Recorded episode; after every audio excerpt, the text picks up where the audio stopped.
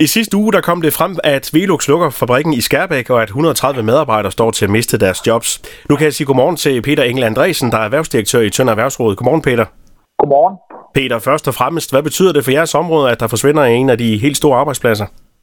Ja, men øh, det, det er vi jo grundlæggende kede af, øh, og selvfølgelig primært på, for de mennesker, som mister deres arbejde. Øh, og så, så, så har det jo stor betydning. Det er jo en stor arbejdsplads i et forholdsvis øh, lille øh, område mål på befolkningstæthed. Øh, så så, så det, det, det er trist. Øh, og omvendt så kan man sige, at øh, det er måske også der, hvor vi skal for alvor rykke sammen med bussen og, og begynde at se på løsninger. Og hvordan kan I så hjælpe i Tønder Erhvervsråd?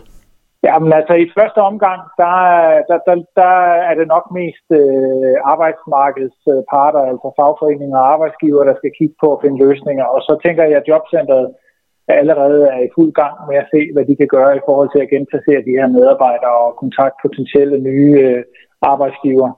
Så kan vi være med i anden bølge, når vi skal begynde at kigge på, øh, hvordan kan vi lave noget erhvervsudvikling. Altså kan der være nogle virksomheder, som pludselig kan skrue op for noget produktion, fordi de nu får adkomst til nogle medarbejdere.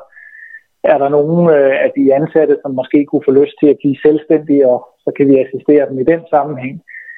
Øh, kan der være nogle erhverv, som øh, er afhængige af, hvad der foregår på Velux, altså nogle følgeerhverv, som aftager nogle af de der spildprodukter og andre ting, og hvad skal de så gøre? Skal de finde nye kunder og leverandører? Altså det er der, hvor vi kan gå ind og, og underbygge øh, i bølge nummer to.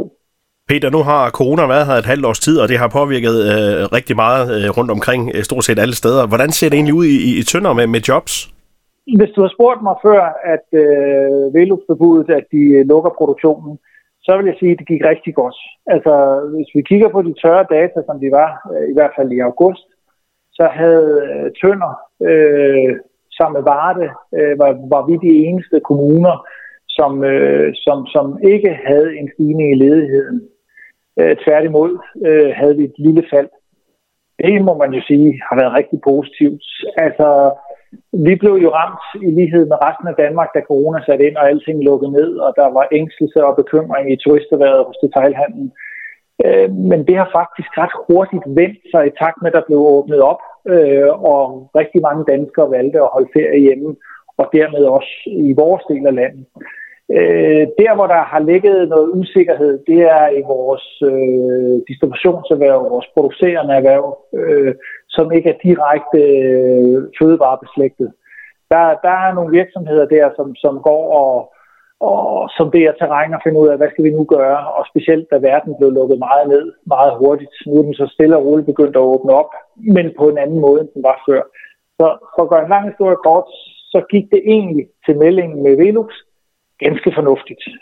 Så I er godt rustet i, i Tønder, og, og som du siger, så, så rykker I lidt sammen og, og hjælper, hvor der hjælpes kan? Ja, jeg tænker, det er, det er jo den måde, vi skal klare vores udfordringer. Det er, at vi, vi, vi vil lægge grundlæggende vand til, at der ikke er nogen, der kommer og hjælper os, og hvis vi skal noget, så skal vi gøre det selv. Og der er sammenhold, der er bestemt en af, en af de styrker, vi kan, vi kan udøve.